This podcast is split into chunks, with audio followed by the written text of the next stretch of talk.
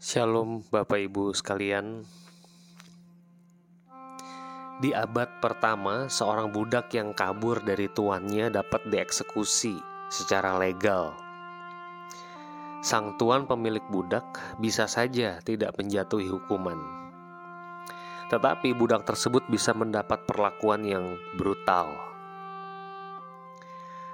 Onesimus adalah budak yang lari dari Filemon di dalam perjalanan kabur itu, Onesimus mengalami pertobatan berjumpa dengan Tuhan. Kita tidak tahu pasti kapan Onesimus bertobat, sebelum ketemu Paulus atau sesudah ketemu Paulus. Tetapi sekarang Onesimus bersama Rasul Paulus di Roma yang tengah menantikan vonis hukuman. Onesimus hadir di penjara melayani Rasul Paulus. Paulus sadar ia tidak bisa seperti ini terus-menerus.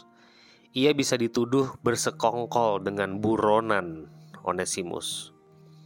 Secara legal, Onesimus memang harus kembali ke Filemon dan menyelesaikan masalah ini. Tapi di mana moralitas perbudakan yang dilakukan Romawi seperti ini?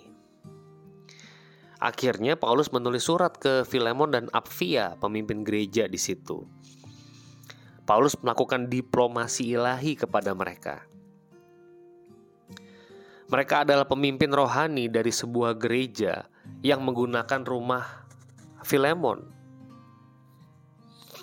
Dikatakan Filemon 1 ayat 8 dan 9 karena itu Sekalipun di dalam Kristus aku mempunyai kebebasan penuh untuk memerintahkan kepadamu apa yang harus engkau lakukan.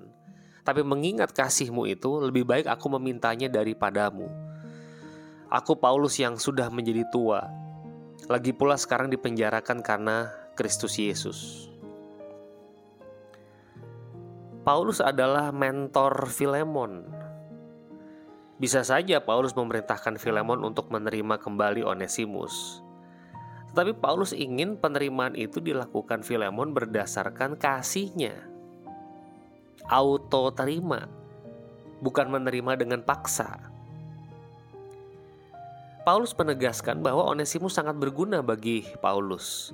Arti nama Onesimus adalah useful atau berguna. Tetapi meskipun Onesimus berguna bagi Paulus, Paulus mau Onesimus kembali ke Filemon sebab Onesimus adalah budak atau milik Filemon.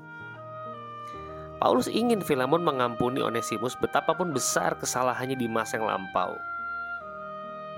Paulus berargumen, mungkin inilah sebab ia dipisahkan sejenak supaya ia bisa kembali kepadamu selama-lamanya. Bukan lagi diterima sebagai budak, tapi lebih dari itu sebagai saudara dalam Kristus. Paulus yakin Filemon akan menerima nasihat ini. Di ayat 21, dengan percaya kepada ketaatanmu kutuliskan ini kepadamu, aku tahu lebih daripada permintaanku ini akan kau lakukan. Paulus minta Filemon menerima Onesimus sebagaimana menerima Paulus. Paulus bersedia menggaransi bahwa Paulus akan mengganti kerugian material yang diderita oleh Filemon. Paulus juga mengingatkan bahwa hutang terbesar manusia sudah dibayar lunas oleh Kristus Yesus. Filemon 1:19 Aku Paulus penjaminnya. Dengan tulisan tanganku sendiri, aku akan membayarnya. Agar jangan kukatakan tanggungkanlah semuanya itu kepadamu, karena engkau berhutang padaku, yaitu dirimu sendiri.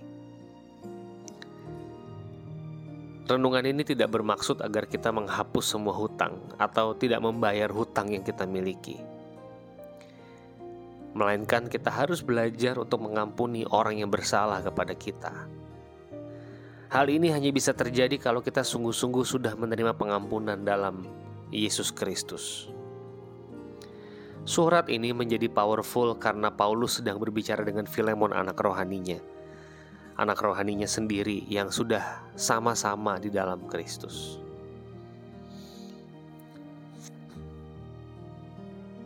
Bapak Surgawi, tolong kami untuk dipenuhi dengan cinta kasih Bapa melalui Allah Anak Tuhan Yesus Kristus.